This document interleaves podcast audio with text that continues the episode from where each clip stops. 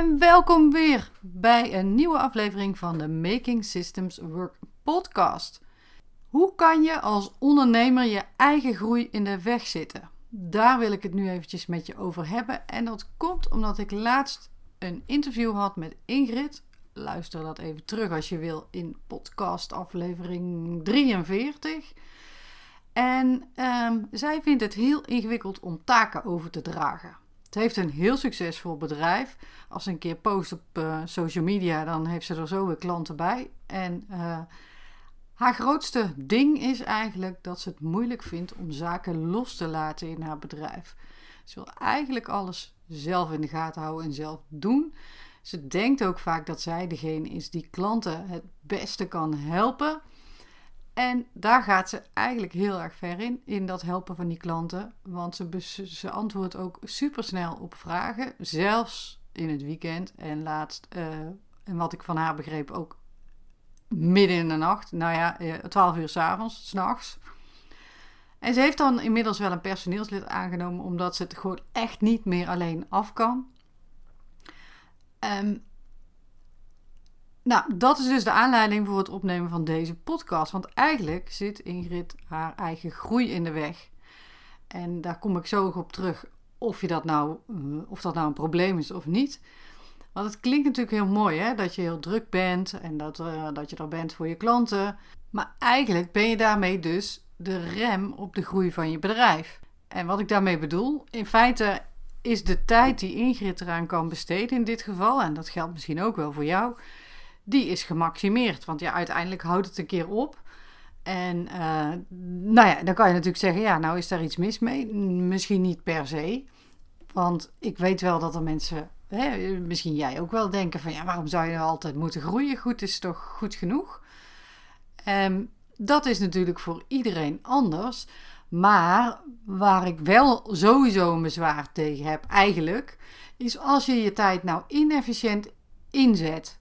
En dat je daardoor heel veel meer uren maakt dan eigenlijk nodig is. Dan vind ik dat zonde. Of eigenlijk meer, misschien vind ik dat wel gewoon suf. Um, en als je dan je bedrijf achter de schermen niet efficiënt genoeg inricht, zodat je eigenlijk niet eens een weekje weg kan, laat staan dat je zaken kan uitbesteden of overdragen, dat is toch meer dan zonde? Eigenlijk zit je dan gevangen in je eigen succes. Want ja, zolang jij bezig blijft, werkt, uh, heb je je klanten, heb je je klanten tevreden. Uh, maar als je ermee stopt, dan heb je een probleem. Hoe weet jij nou hoe dat of dat voor jou zo is? Er zijn eigenlijk drie belangrijke signalen dat jij gevangen bent in je eigen succes. En het eerste signaal is dat je super druk bent en blijft.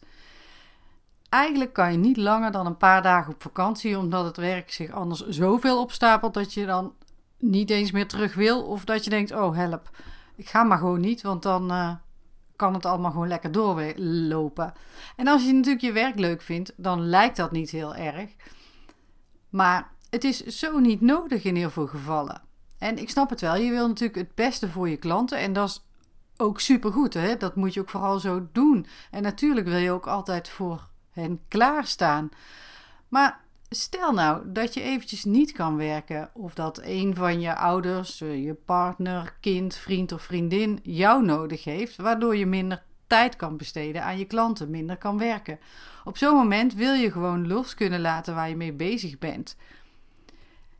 Ik heb het zelf meegemaakt toen een van mijn kinderen kanker kreeg een paar jaar geleden. Kwamen in een, uh, van de ene dag op de andere in een enorme hectische en onzekere periode terecht.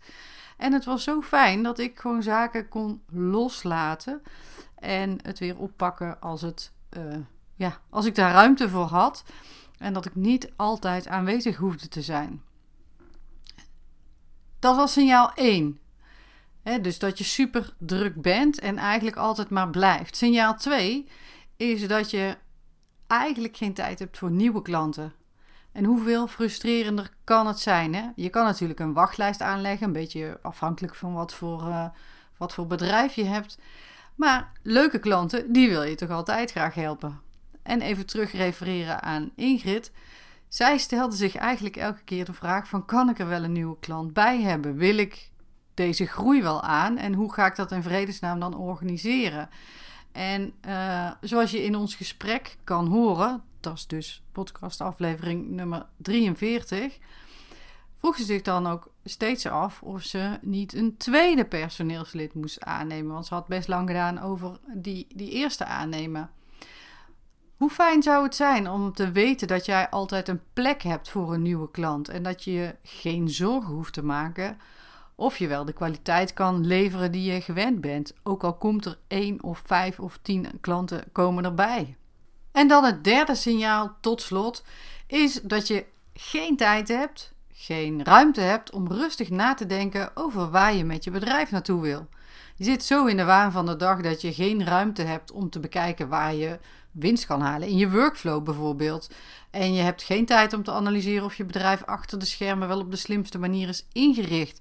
En als je denkt aan een medewerker aannemen, dan vraag je je af hoe je in godsnaam die medewerker ook moet inwerken.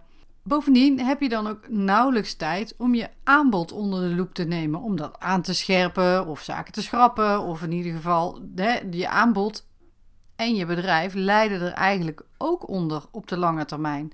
En ik ben geen business coach, dus ik probeer je helemaal niet te vertellen hoe je je business moet runnen en wat je daarin moet veranderen.